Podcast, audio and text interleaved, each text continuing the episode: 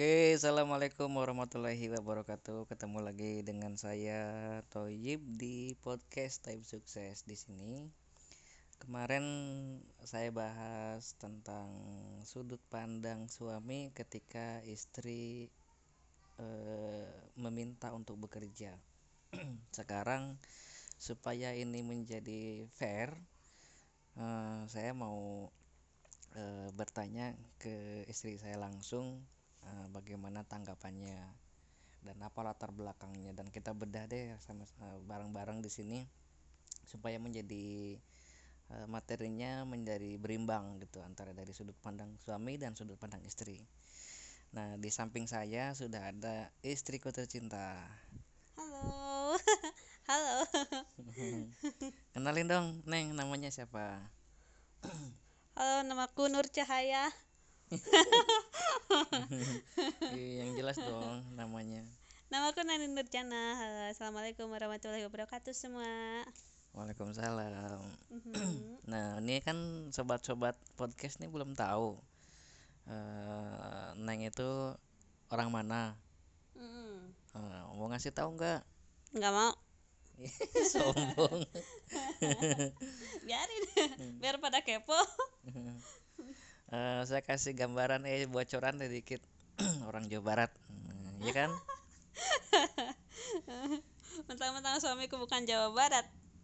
Ya sedikit Jawa Barat lah. Ini sedikit. Setengah-setengah. Jadi saya orang Jawa Tengah, istri orang Jawa Barat. Nah, katanya nih kata kata mitos ya, mitos yang dulu-dulu nih nggak tahu nih mitosnya benar apa enggak. Katanya kalau kalau istrinya dari Jawa Tengah, laki-lakinya dari Jawa Barat, katanya mitosnya kurang baik. Tuh, Oh, gitu? it- itu mitos zaman dulu. Ya mungkin dipengaruhi sama kerajaan apa apalah gitu Heeh. Kebudayaan kerajaan mungkin waktu itu kerajaannya lagi konflik. Mungkin ya ini mungkin sehingga jadi kurang diperkenankan ketika cowoknya dari Jawa Barat ceweknya dari Jawa Tengah. Ya, tapi kalau dibalik cowoknya dari Jawa Tengah ceweknya dari Jawa Barat nggak apa-apa. Nah itu yang aneh tuh. Mm-mm. Kalau cowoknya nggak boleh ya, kalau ceweknya boleh. Oh, jadi nggak tahu lah itu mitosnya apa. Yang yang namanya mitos zaman dulu kan masih zaman kerajaan bisa jadi begitu kan Mm. Nah, karena eh, dari ini juga dari apa namanya ada lagi mitos tuh yang aneh. Nah, kebetulan kan eh, ini hijrah dari Jawa Tengah ke Jawa Baratnya di Panjalu. Nah, ada mitos lagi katanya orang Panjalu nggak boleh nikah sama orang Sumedang. Oh iya iya tahu. Ya kan? Ah, Tahu ah, kan? tahu. Nah, karena katanya silsilah zaman dulunya ada hubungan sama kerajaan. Mm, Jadi mereka tuh emang nggak boleh dipersatuin ya katanya. Oh, kata, karena Nggak kerajaannya bakal bener katanya. kerajaannya selek apa gimana lah nggak ngerti lah pokoknya Mm-mm. ada mitos aja sama itu mitos yang tadi tuh yang ini mau ngebahas tentang keuangan kok jadi malah mitos ya tapi nggak apa-apa lah itu selentingan oke kita langsung aja ke materi yang pokok nih Kemain topik. kita kembali lagi ke laptop Ah, oh udah ulu suamiku lagi batuk. Mau minum sayangku? boleh Ambil sendiri. Ambil Ah, sendiri. haru- harusnya ada sponsor nih Woi. Oke kita nanya deh Eh, Nih sebelum nikah kan Neng itu pernah eh, ngobrol sama tuh. Kalau nanti sudah menikah dibatasin nggak? Kalau mau kerja gimana? Pandangannya katakan boleh silakan aja. Ah nggak pernah apa namanya nggak pernah nuntut untuk ini itu ini itu ini itu selagi masih dalam tracknya gitu kan. Nah sebenarnya apa sih yang melatar belakangi kenapa Neng tuh punya impian ingin bekerja gitu nah teman-teman mungkin di sini pen- sebagai pendengar pengen tahu juga eh, dan mungkin juga sebagian pendengar di sini ada juga yang baru berumah tangga sama kayak kita mungkin karir ya. Nah, mungkin siapa tahu mereka jadi terinspirasi atau punya setidaknya punya langkah eh punya gambaran untuk melangkah gitu. Mm-mm. Nah, gitu coba nih pengen tahu nih gimana gimana. Apanya? ya itu kenapa kenapa punya eh, apa namanya eh, punya pilihan pengen bekerja gitu loh. Oh. Alasannya apa aja latar belakangnya apa dan bagaimana cara cara cara Ih, satu-satu strateginya nanyanya. Oh ya udah ya udah satu. Latar belakangnya dulu deh apa? Hmm, apa ya? Kalau aku kan emang eh, itu tuh salah satu cita-cita aku kan, gitu kan. Hmm, Aku emang eh, pengen banyak nolong orang gitu. Sebenarnya dulu aku tuh berharap pengen jadi dokter gitu kan. Kalau dokter kan eh, biasa kan nolong orang gitu, Nah, operasi itu segala itu macam. jadi dok cita-cita jadi pengen jadi dokter waktu kapan Nah, itu tuh waktu kecil. SD Iya, enggak, udah dari TK. oke terus terus Nah, jadi ya pokoknya aku tuh tertarik sama dunia kesehatan gitu tuh. Itu udah dari kecil kan, udah dari TK. Pokoknya sekitar dokter, kalau enggak bidan gitu. Dulunya sih aku emang enggak kepikiran farmasi soalnya di daerah daerah Neng tuh belum ada. nggak familiar nggak familiar, belum ada yang namanya apotek apa segala macam tuh. Yang namanya apoteker atau asisten apoteker tuh nggak ada gitu. Jadi Neng tuh nggak tahu gitu. Ternyata ada gitu. itu tuh. Nah taunya dari mana? Nah, tahunya tuh pas ngobrol-ngobrol sama kakek, ada kakek ya saudara tapi maksudnya tuh adiknya, adiknya nenek lah gitu tuh maksudnya. Mm-mm. Bukan kakek langsung kan. Ngobrol-ngobrol, nah, cita-cita mau apa? Mau jadi apa nanti kalau udah besar? Kira-kira mau mau sekolah di mana? Ih, bukan. Kira-kira mau sekolah di mana?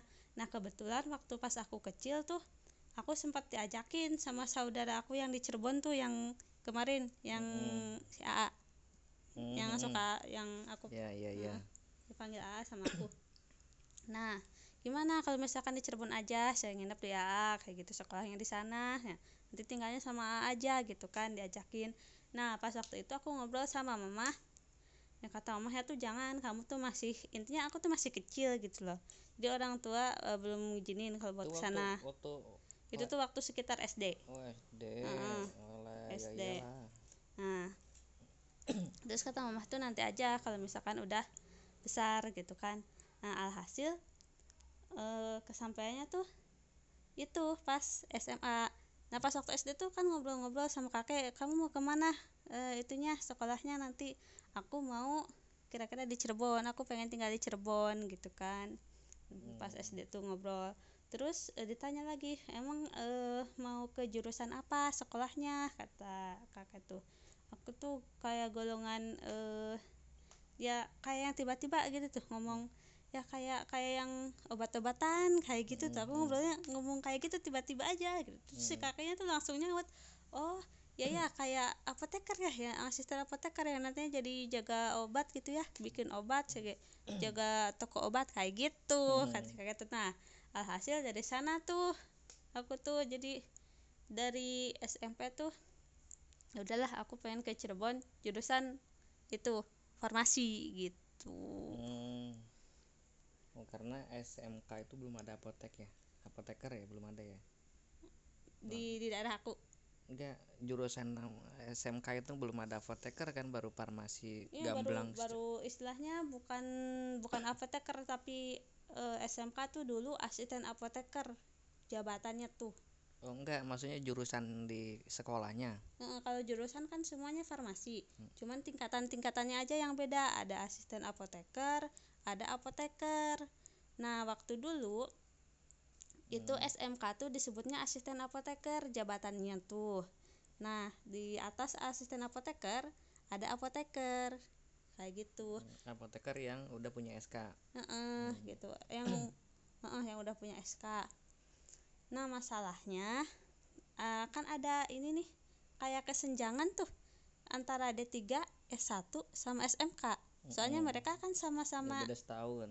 Eh, heeh, jadi sama-sama di bidang itu cuman beda pendidikan kan Ya, derajat pendidikan istilahnya. iya, beda beda setingkat Heeh, tipis doang. Heeh, gitu ta dari sana SMK pas tahun tahunnya Neng masuk itu eh, jabatannya mulai jadi asisten disebutnya tuh asisten asistennya apoteker gitu Eh, jadi gimana gimana? asisten Asisten asisten asistennya apoteker jadi kan apoteker punya asisten nah kalau yang jurusannya SMK tuh asistennya si asisten ini gitu yang ngebantuin si Oh. asistennya Jadi kayak multi level.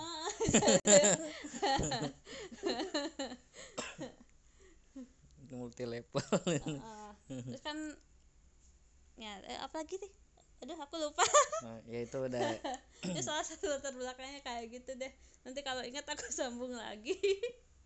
Nah berarti enggak eh, masih belum nyambung sebenarnya.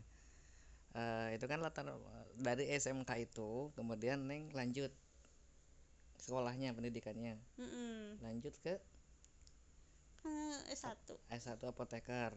Ah, belum belum apoteker. Masih S1 masih farmasi kalaupun jabatannya juga masih terhitungnya masih asisten.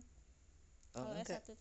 Ini kan oh kalau apoteker itu yang Ya udah udah pendidikan. S1, uh-uh, S1 terus udah ngambil itu jurusan. Ngambil pendidikan Heeh, dua tahun. pendidikan iya. Kalau di guru itu kalau di keguruan itu ada namanya ser, eh, apa namanya? Sertifikasi kan? sekolah bukan sekolah apa ya? Kalau udah lulus S1 baru dia ngambil sertifikasi sekolah apa gitu namanya yang nggak nggak lama kok cuma berapa bulan kalau nggak salah itu. Empat bulanan apa berapa gitu. Untuk ngambil ijazahnya itu tuh ngambil ijazah sertifikasinya. Kalau apoteker kan dua tahun ya? Eh, dua tahun. Maksimal tuh dua tahun. Maksimal dua tahun. Setelah itu barulah disebut apoteker nah oke. Setelah itu kenapa neng pengen bekerja setelah menikah? Ah. Ya kalau tadi mah itu ya beda. Nah tadi kan enggak itu kan latar belakang kepinginan ini eh, ya kan neng neng katanya dulu kan sempat sempat ngasih bocoran dikit kalau neng itu masuk ke dunia apoteker belajar di apoteker sekolah di apoteker kemudian pengen buka apoteker. Ah, ah, ah. rencananya eh, rencana rencana big big apa Ah. tuh? Rencana besarnya lah. Eh, kemudian pengen untuk menambah ilmu pengen bekerja di apoteker. Mm-mm. Ya, ya sambil udah. sambil nambah-nambah income sambil dapat ilmunya juga. Nah terus eh, ini kan sekarang posisinya sudah menikah. Nah melihat dari latar belakang neng itu tadi.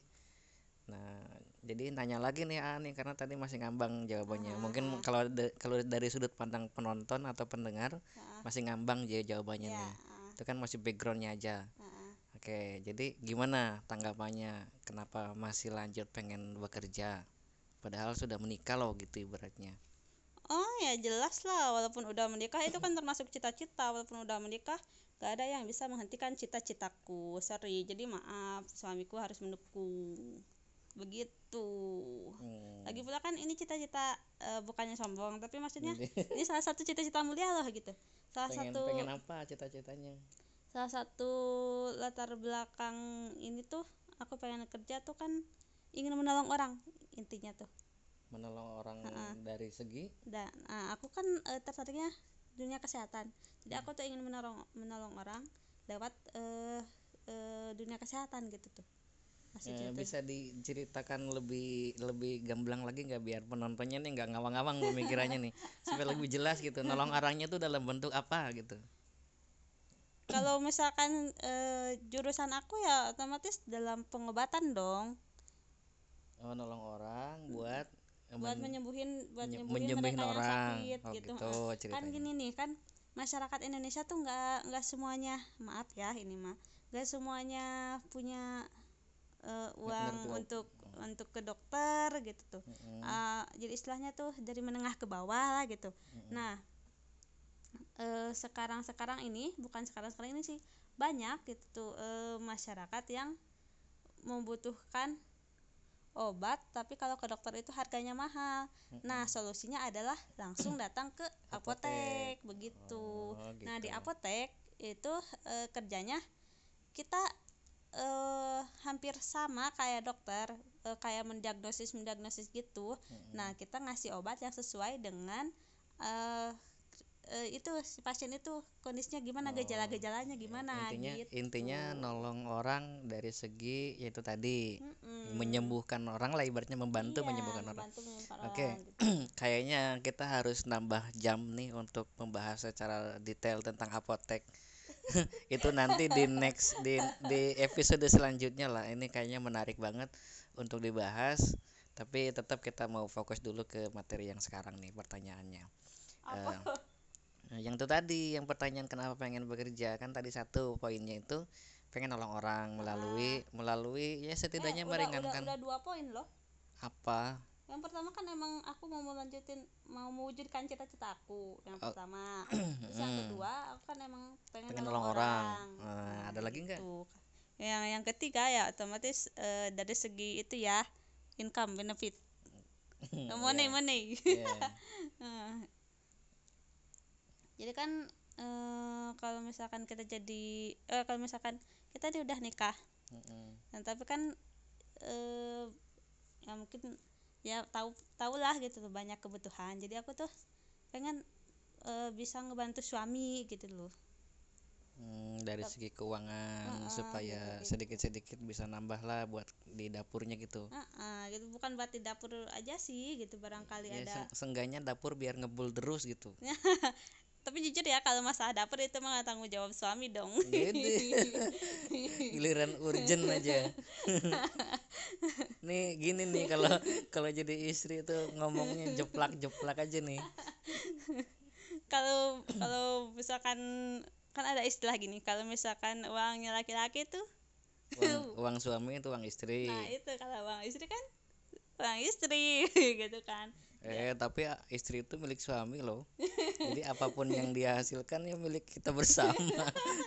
Enak aja tapi ya sih emang eh, jadi emang dalam rumah tangga tuh apa sih adanya kerjasama ya. iya, Heeh, tim. Gitu. Nanti kalau sudah punya, ini kan baru dua ya, baru double ya, masih double, masih tim kecil lah. Nanti kalau sudah punya anak itu jadi Avenger. Nah itu. Iya, jadi Avenger, jadi timnya tuh udah banyak gitu ya. Nah jadi maksud aku tuh eh, mumpung akunya sekarang kita berdua belum punya dede gitu kan. Jadi aku pengen bantu suami gitu tuh. Eh, suami kan eh, ini juga tahu kan kondisinya gitu kan. Sekarang tuh lagi banyak eh, hal yang intinya tuh pengeluaran gitu. Pengeluarannya lagi banyak sekarang tuh Iya, gitu. buat kontrakan, buat makan, buat bayar ini itu ini itu, Nah, gitu. buat jajan, Nah, buat itu. ngemil. Kalau istri aku tuh suka buat ngemil, buat macem-macem, buat belanja. Karena is ya nih, istri itu di samping nih, ini tanggung jawab tanggung jawab suami ya. Nah, ini kan tanggung jawab suami itu kepada istri sa- ini ini salah satunya aja. Sandang, pangan, papannya. Mm-mm. Satu lagi apa? eh kan ada bobot, bebet dan lain sebagainya. Ah. Sandang, pangan, papan. Satu, eh, satu lagi itu Carrefour Apa tuh Carrefour? belanja. ya emang bener. Nah, terus apa lagi nih yang melatar belakangi kenapa pengen banget bekerja? Hmm, Ada- jadi ada, lagi enggak? Ini itu, neng itu jadi eh, cita-cita dulu peng, emang pengen buka usaha ya gitu, punya usaha sendiri. Ya, aku pengen bikin apotek sendiri gitu tuh. Nah, kalau bikin apotek itu kan ya semua ya gitulah semua orang juga pada tahu kemarin kan harus ada biaya lah gitu kalau misalkan mau usaha tuh Hmm, ya kan ya. Nah, jadi Neng tuh eh salah satu latar belakang itu ya pengen ih Nyari susah banget sih. pengen susah nyari banget mod- sih ngomongnya. Pengen nyari modal gitu ya. Iya, jadi intinya pengen pengen ngumpulin gitu buat modal itu gitu. Oke, jadi jadi eh, eh, ah, coba ngerangkum ya. Nah, oh, oh, sok. Satu.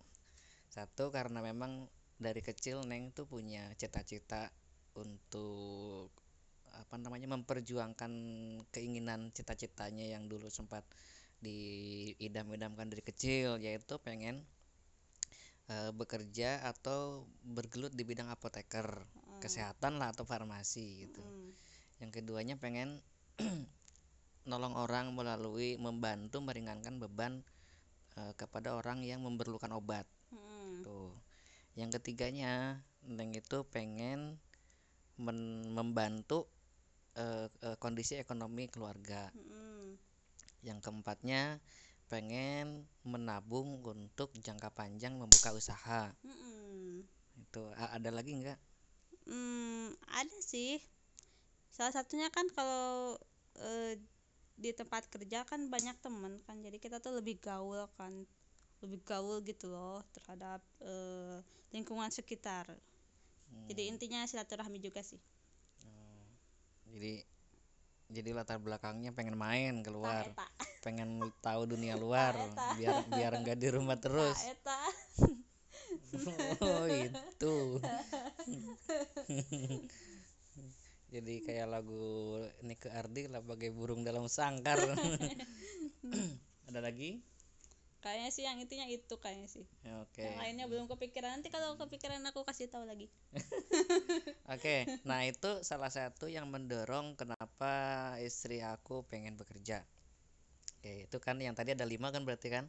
Diulangi lagi deh. Satu cita-cita dari kecil karena memang pengen di situ pengen di apoteker. Yang keduanya pengen nolong orang. Mm-mm. nih mm, sengaja uh, ulang-ulang terus biar uh, apa namanya uh, mungkin ada penonton atau pendengar yang baru dengar gitu ya Ya. Eh, terus yang ketiganya eh, eh, eh, apa namanya tadi pengen membantu orang dari segi mempermudah orang untuk eh, apa namanya mencari obat karena kalau ke dokter dulu itu memang harga sewa dokternya aja mahal gitu Mm-mm. jasa dokternya tuh mahal banget belum beli obat Mm-mm.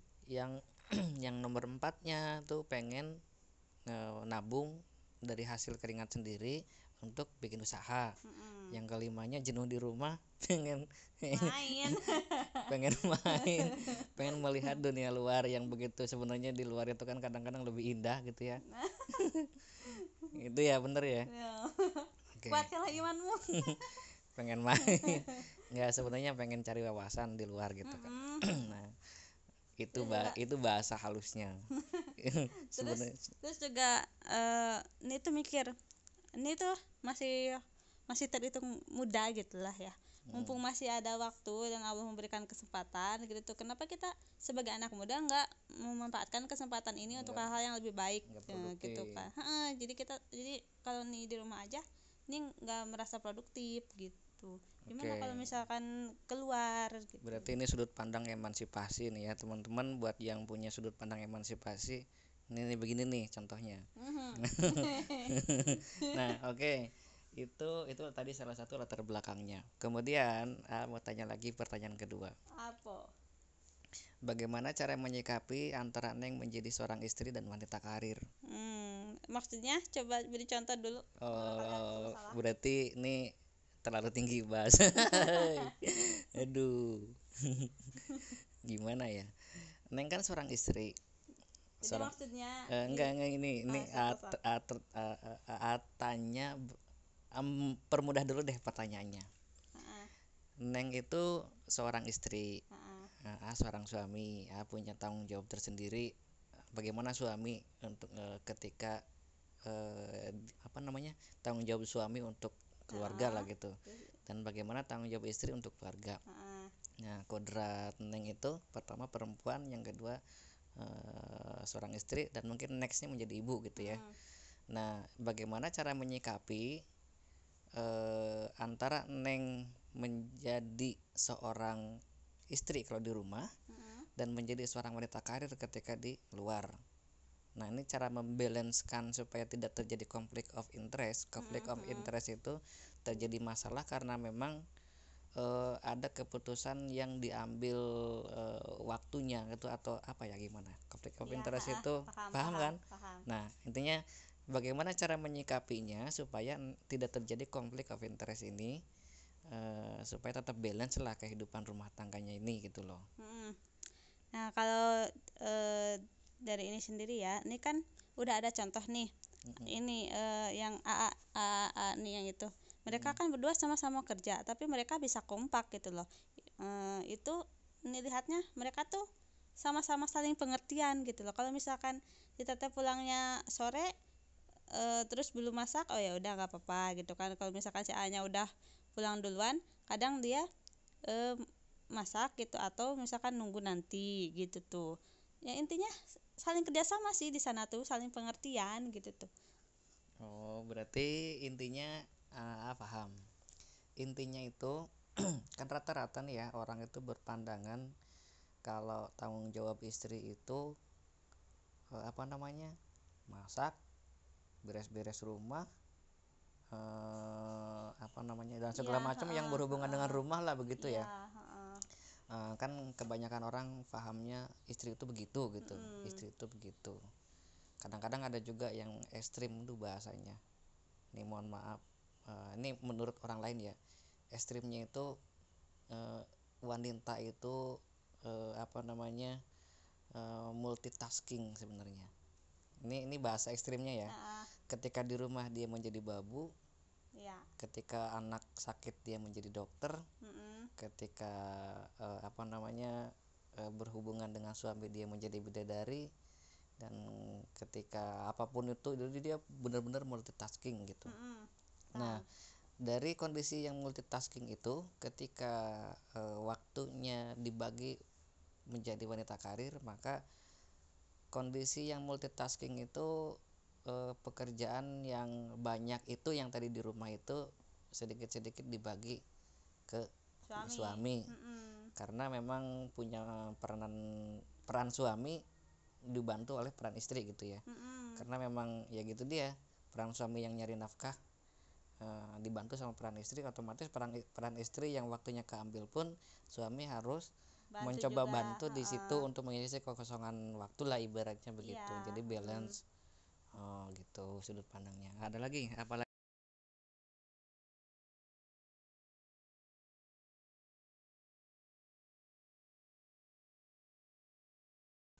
lagi? Hmm, entahlah.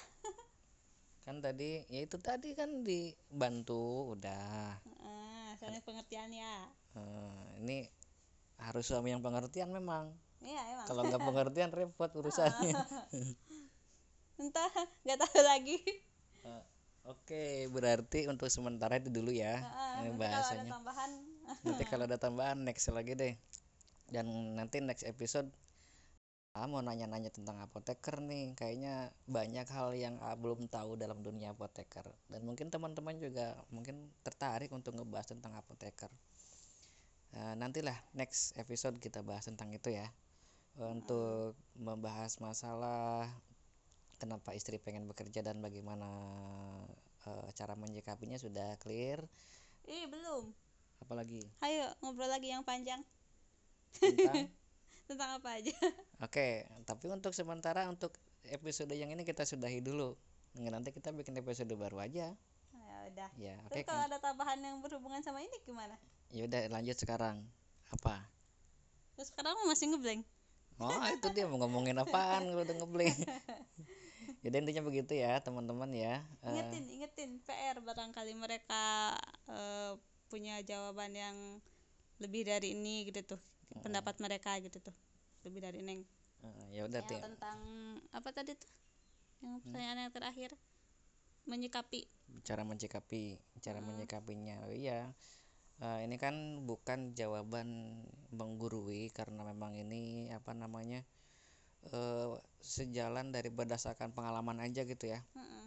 berdasarkan pengalaman dan memang ini bukan jawaban yang paling benar karena memang yaitu tadi latar belakangnya ini pengalaman dan ini pilihan yang diambil oleh Neng dan AA ibaratnya begitu Heeh. dan ketika mungkin ada teman-teman yang kurang berkenan dengan situasi dan pilihannya pilihan dalam menyikapinya maksudnya Heeh. eh, itu kan cara pandang masing-masing dan ketika ada bahan yang memang mungkin perlu disempurnakan jawaban dari kita monggo silakan di komentar aja Heeh.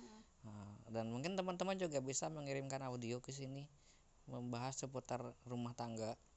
Atau Karena- yang lain barangkali Eh, apa rumah tangga aja dulu? Eh, untuk sementara kita kita batasi dulu kita berbicara masalah seputar rumah tangga. Karena seputar rumah tangga itu terlalu luas loh ini nggak bakalan habis. Terlalu luas masalah rumah tangga tuh kan ke mana-mana ntar. Heeh. yang penting tidak lepas dari koridor rumah tangga gitu aja lah intinya. Heeh. Oke ya untuk sementara materi kali ini itu eh, kita nanti ketemu lagi di episode selanjutnya. Sekian assalamualaikum warahmatullahi wabarakatuh